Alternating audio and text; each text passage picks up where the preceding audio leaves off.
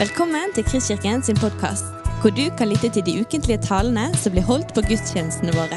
Vi håper denne podkasten vil inspirere og utfordre deg til å kjenne Gud, elske mennesker og tjene vår verden. Du, jeg går rett på sak eh, med å si at eh, jeg er av de som har det privilegiet og eh, som har hatt det privilegiet å få vokse opp med både troende foreldre og et positivt eh, søndagsskolemiljø. Og En av de tingene jeg husker aller best fra min eh, oppdragelse i den kristne tro, det er glansbilder. Disse skjønne, smukke, danderte sakene som hadde i oppdrag å sette oss på sporet av Gud. Og uten å bli for hard med disse skjøre, små bildene De hadde sin funksjon. Så har jeg med tiden tenkt på at det finnes jo en viss ironi i at akkurat glansbilder fikk spille en så sentral rolle i det vi skulle bli introdusert for den kristne tro. For det er én ting som ikke kjennetegner trosliv og trosreise, så er det jo glansbildet. Glansbilder er noe vi ender opp med å skrinlegge. Det ene etter den andre av oss. Jo da, det er òg rett, for å leke litt med tiden vi er på vei inn i her, at jorden er deilig, og at flyvende engler her får se hva som for Gud er skjønt. Men er det én samling av skrifter som ikke skjønnmaler noe som helst på kloden, så er det Bibelen. Den er fascinerende upolert. Den er rå og rak. Usminket og uinnpakket. Allerede i Bibels første sving så møter vi en mor som opplever at en av hennes sønner blir drept. Hva smerte er ikke det? Foreldre skal ikke oppleve slikt. Men som om ikke det var nok, den samme damen opplever dette at en annen av hennes sønner blir morder. Hva byrde er ikke det å bære for en mor? Velkommen til Bibelen. Heldigvis, heldigvis så har vi å gjøre med en Gud som ikke bare ser, men som også bryr seg og engasjerer seg. Og så med sine mange inngripener formidler til menneskeheten at slik som ting er, skal de ikke alltid forbli. Det første søndag i advent denne ventetiden som kanskje aller mest er en forventningstid. Det kommer en til oss som har både vilje og evne til å endre vår verden. Til å bytte ut fangenskap med frihet, sorg med glede og tyngende byrde med lovprisning. Denne ukens tekst er kjent og skjær for mange. og Jeg har kjent på det at angrepsvinklene synes å være utallige her. Men det vi skal dvele ved i dag, er at vi har en Gud som ser dette, at jorden rommer få glansbilder, men som i sin store miskunn gir oss både nådeord og nådeår. Vi leser fra Jesaja 61, 1 til 3. Gir et lite sekund, så folk kan bla opp hvis man ønsker det.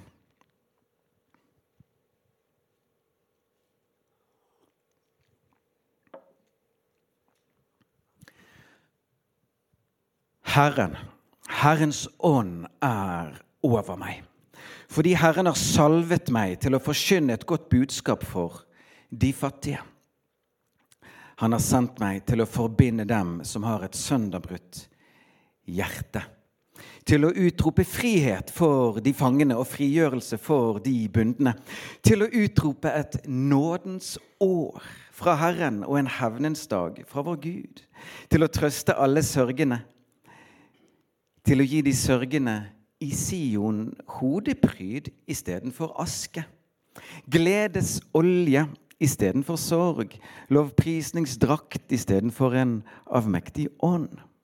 De skal kalles rettferdighetens terebinter, Herrens plantning til hans ære. Dere som alltid når vi eh, står eh, overfor passasjer i eh, Guds ord, så henter vi ut mer om vi også ser på kontekst. Ole Henry Halleraker, tidligere pastor i Kristkirken, sa en gang dette at om man kun leser tekst, sitter man gjerne igjen med en perle. Men om man får tak i kontekst, så ender man i mange tilfeller opp med et perlekjede. Det er rikere og bredere. Og dere, Disse ordene fra Jesaja de rommer, som så mye annet i Guds ord, mange lag. Talende til ulike folk i ulike epoker. Men det første laget er en nøkkel for å forstå seg på de neste. Og Et bilde du kan få ha i bakhodet når vi nå ser på disse versene, det er en slags eh, håndvifte. Som jo eh, begynner spisset og konsentrert, men som åpner seg mer og mer. Og vi skal se at disse ordene fra Jesaja åpner, eller skal vi si åpenbarer, seg mer og mer etter hvert som historien skrider fram. Og om vi begynner med det vi kan kalle viftens utgangspunkt, så må vi sette ord på en sak som er opplagt for mange, men som kan være opplysende for andre. Nemlig at Gud på et tidspunkt utvalgte seg et folk. Som han på en spesiell måte ville knytte seg til, tale til åpenbare seg for å virke gjennom det han hadde hjerte for alle jordens folk. De var ikke noe bedre enn andre. De var bare utvalgt av Gud. Og med tiden benytter Gud seg av dette folkets historie. Når han vil forklare for resten av verden hvem han er.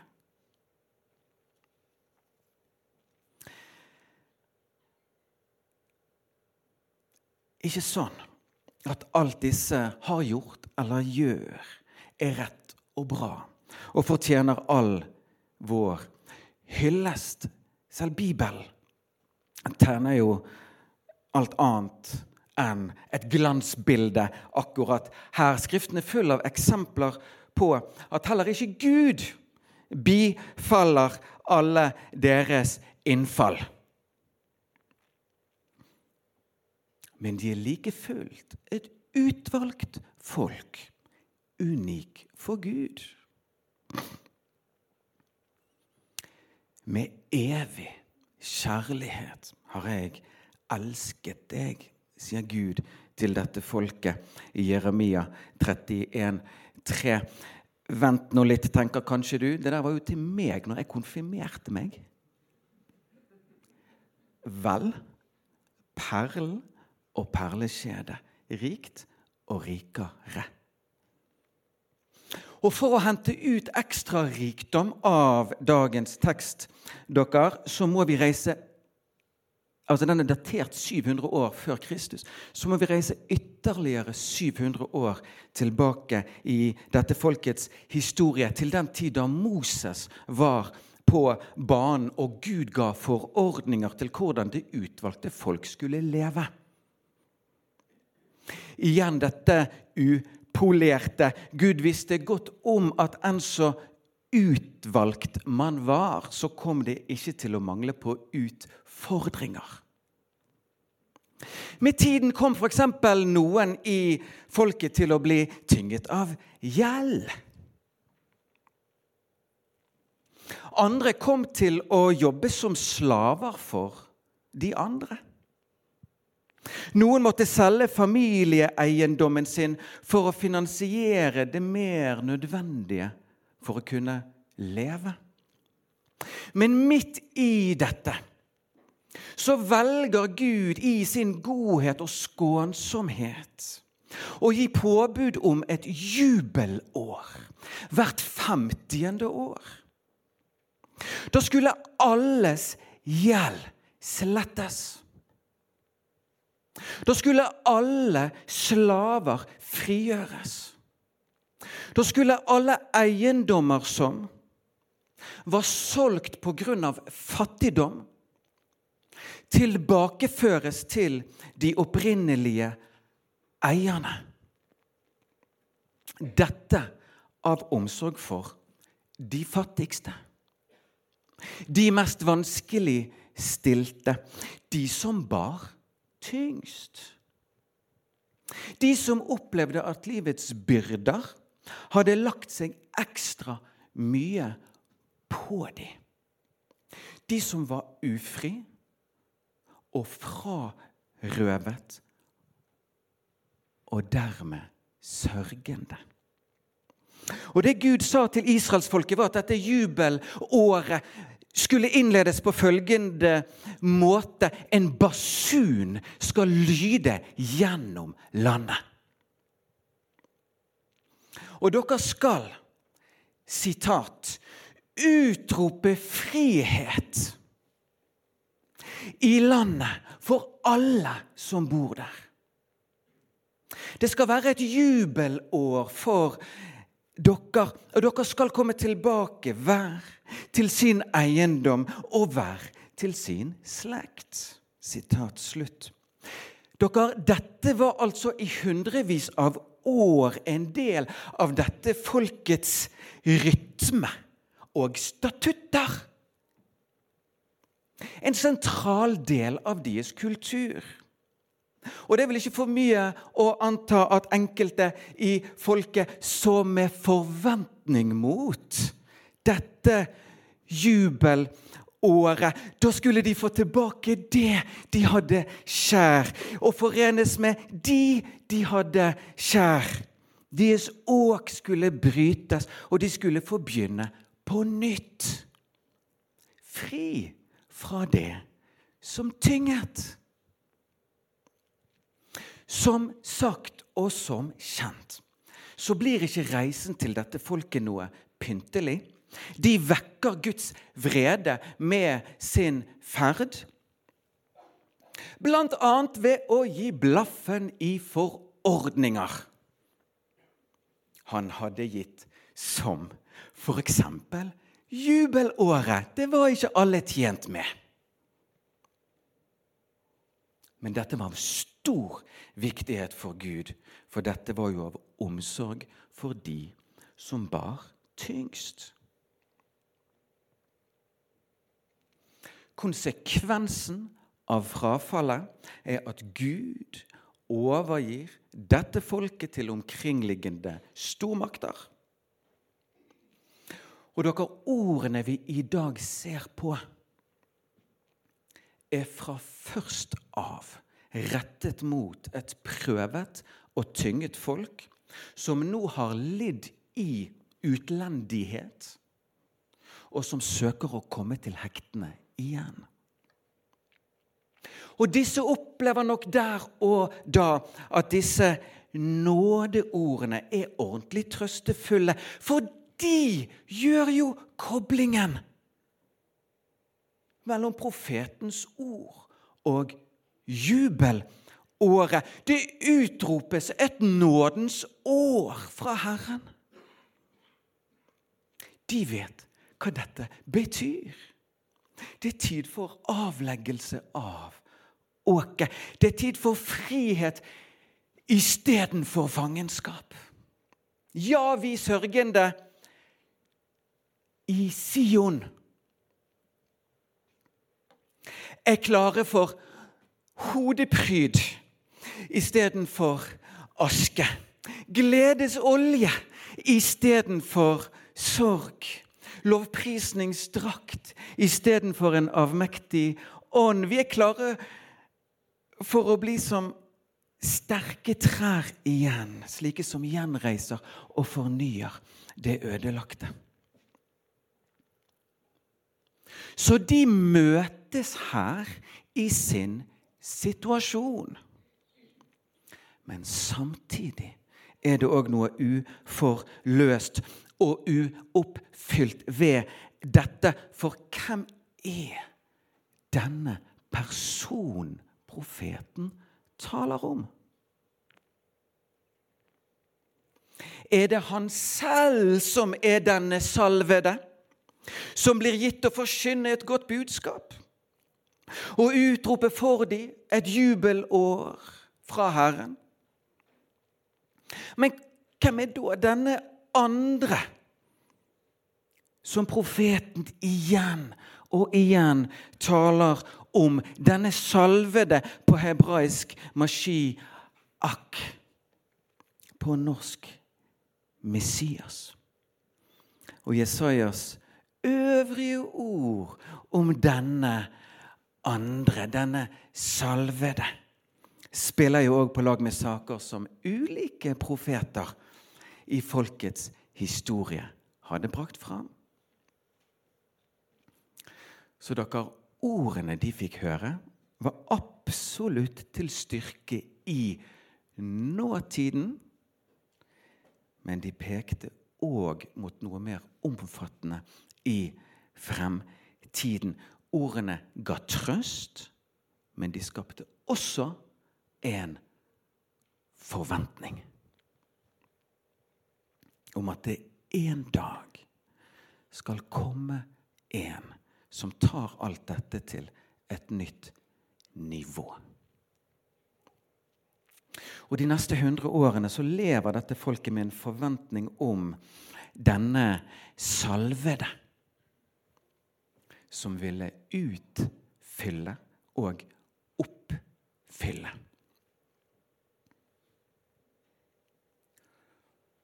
Og en dag blir et lite guttebarn født i Betlehem. Han får navnet Jesus på hebraisk Jeshua, som betyr frelse, berge, frigjøre. Og I voksen alder så går han, går han på en sabbat inn i synagogen i hjembyen Nasaret, slik han pleide å gjøre, står det. Men denne dagen så reiser han seg for å lese. Han skal lese fra Skriftene for de fremmøtte, og han blir overrakt Jesajas bok.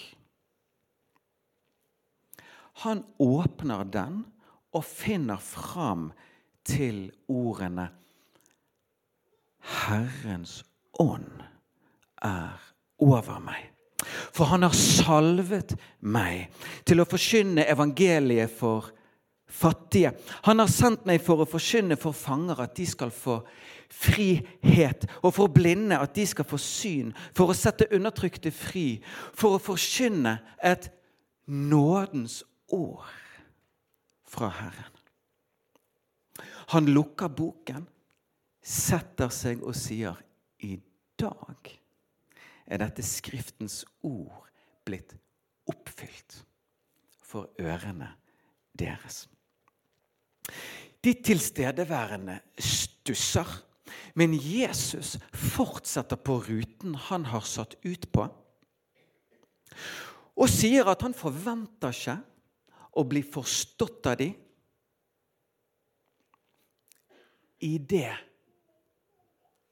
han også minner de på at det har vært episoder i Israels historie der Gud har prioritert lidende blant andre folk framfor sitt eget folk.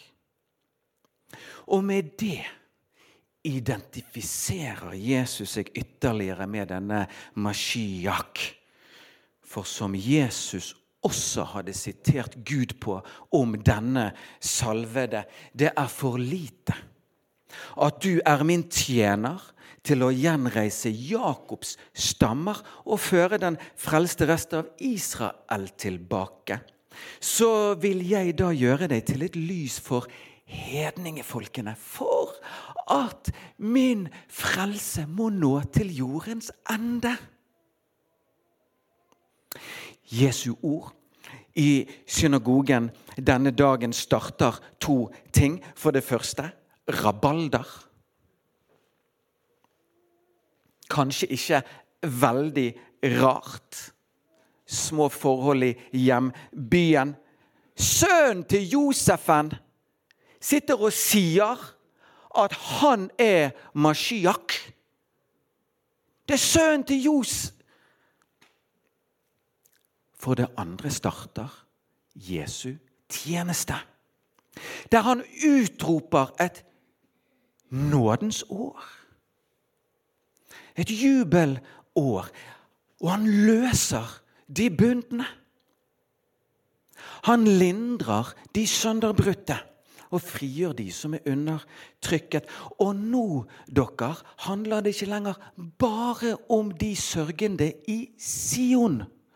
Nå handler det om de fattige i ånd. Vifteformens neste nivå. Og vi ser at Jesus løser også ikke-jøder fra det som tynger og plager. For å nevne noen en romersk hærfører, en kanoneisk kvinne, en samaritansk kvinne, en romersk soldat.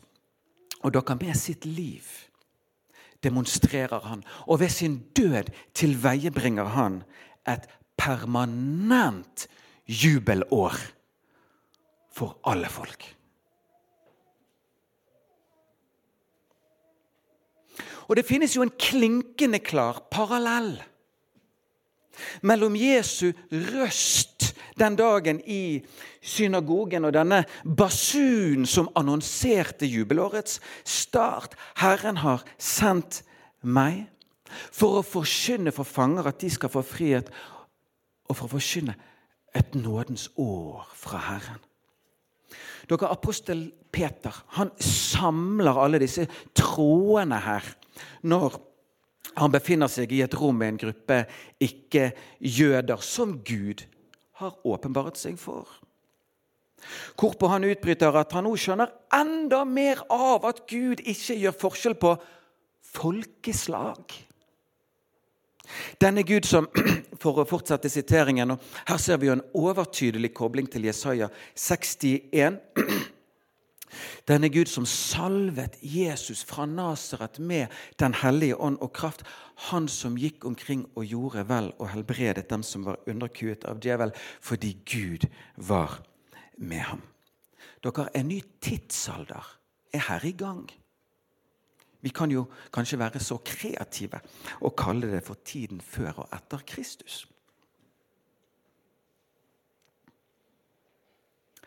Men Gud hadde flere S i ermet. Viften skulle utvides ytterligere.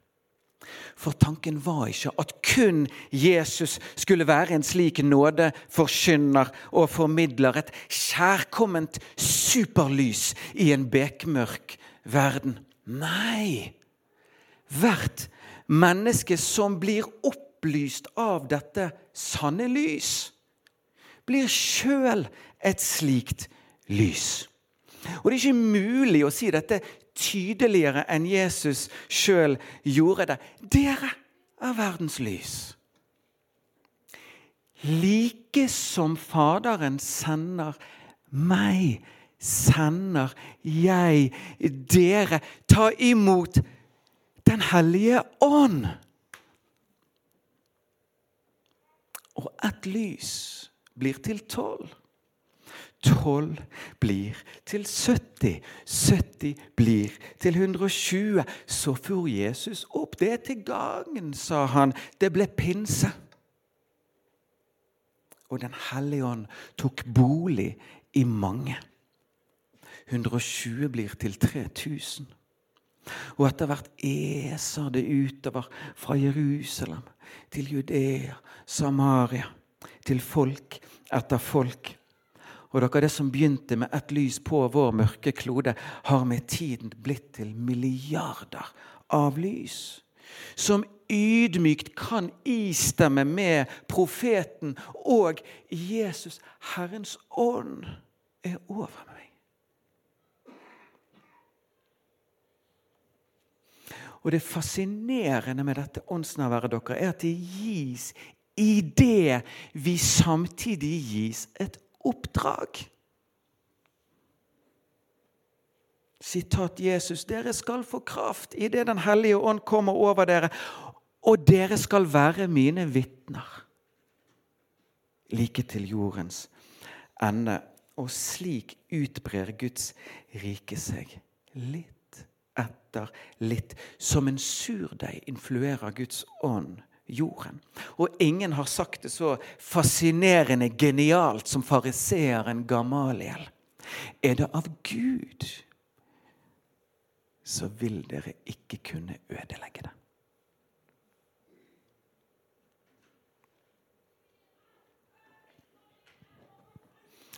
Israel har spilt, og spiller fortsatt, en unik rolle i Guds store frelsesplan. Men òg vi får være med på laget til Gud. Og vi gis å utrope for enhver generasjon. Det Paulus sa til ikke-jøder i Korint. Se, nå er nådens tid. Nå er frelsens dag. Vi som er møtt med nåde får dermed være med å formidle nåde.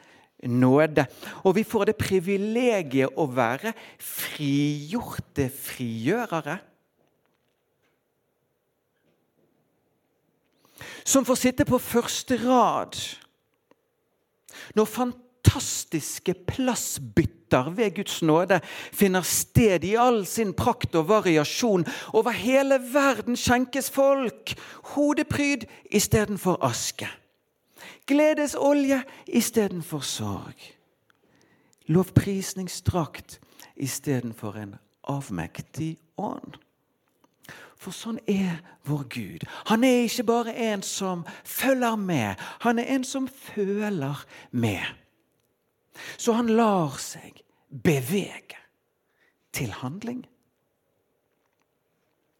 Det er et ordpar i Skriften jeg tror jeg har nevnt dette før men som beveger meg dypt. Og det er få steder dette blir så blærende som i Efeserbrevet kapittel 2, der denne jordens ugudelighet og mørke beskrives. Og igjen uten å pakke noe inn. Menneskene skildres som døde, vantro, vandrende i synd. Vi er tankeløse drivere som følger våre lyster og pådrar oss Guds vrede. Men så kommer det i vers 4. Men Gud Men Gud, som er rik på miskunn, har på grunn av sin store kjærlighet, som han elsket oss med, gjort oss levende med Kristus. Men Gud er et vidunderlig ordpar å ha med seg i denne nådens tidsalder, uansett hvilken, hvilket navn din byrde har. Han er for oss, og han er Immanuel, Gud med oss, som ivrer for å fri oss ut av mørkets makt og sette oss over i sin elskede sønns rike. Som Jesus brakte med seg til jorden da han kom, som han sa, Guds rike er kommet nær.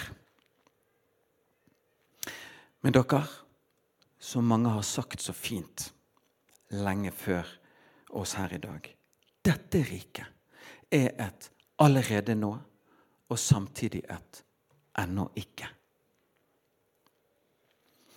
Dette riket har så til de grader fått feste på jorden. Samtidig erfarer vi jo alle dette doble, at selv om nåden og livet virker med kraft, så gjør synden og døden det også. I dag er det hundreårsdagen til min farmor. Som kun fikk noen og 30 år på jorden. Kreften lot seg ikke kurere, og igjen satt en troens mann og fire gutter under fem år. Så brutalt kan det være i nådens tid, i nådens tidsalder. Og vi som er gitt å være slike frigjorte frigjørere Vi har vel ofte vel så mye behov for å feie for egen dør idet vi halter oss gjennom livet. Og uten dere å ta, fra, altså ta noe som helst fra det Gud alt har gjort og gitt, så gir disse tingene oss et konkret kontaktpunkt med de som i utgangspunktet fikk høre Jesajas ord. Vi trøstes, og vi styrkes, og vi tilføres. Samtidig som også vi erfarer at det er noe uforløst og ufullstendig her.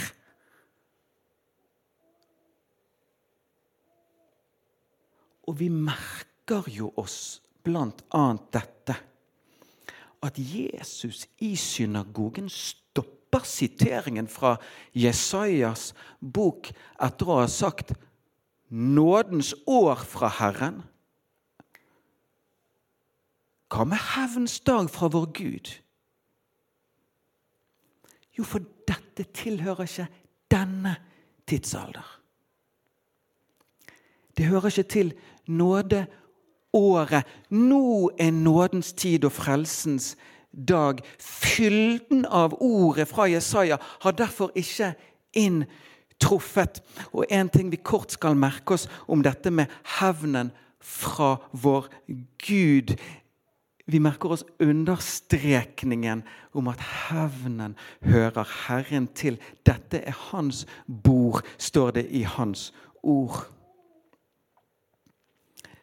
men ikke minst fylden av dette som det tales om, lar jo vente på seg. Den udelte gleden, den gjennomgripende friheten, den reine tilbedelsen og lovprisningen.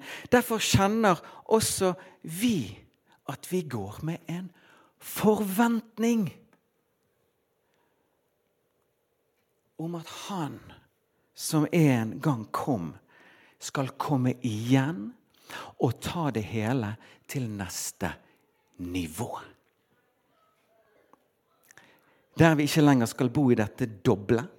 Der døden må gi tapt. Der synd, sorg og smerte ikke har rom. Så dere også nådens år rommer derfor ventetid. Eller kanskje vi aller helst skal kalle det forventningstid. Så vil noen mene at han er sen med sin ankomst. Men Skriften bedyrer at vi ikke må forstå drygselen som senhet, men som godhet. Muligens kan et litt sånn hjemmesnekret bilde her sette oss på sporet av en tenkemåte i møte med dette. Sett at en fergekaptein på sin ferd mot land ser at noen biler farter mot kaien, men med all sin erfaring så vet han at det skal holde hardt for de å bli med. Kjedelig, for det er siste ferge før natten. Kapteinen velger derfor å sakke farten ut på fjorden der, slik at det dryger før han kommer til kai. De som alt står på kaien, anklager kapteinen for senhet. Men han er ikke sen. Han er god. Han som vil at alle skal komme med. Og kjære venner, når denne kapteinen en gang kommer, og det er ingen hemmelighet og heller ingen overraskelse hvilket ankomststed han har utvalgt. Da begynner en helt ny tidsalder. Og da, kjære venner, først da vil det være tiden for det vi alle endte opp med å skrinlegge i denne tidsalderen, nemlig glansbildene. Du har lyttet til en podkast fra Kristkirken i Bergen. Vi håper du har blitt inspirert og utfordret i din vandring med Gud. Vil du vite mer om oss, så klikk deg inn på kristkirken.no.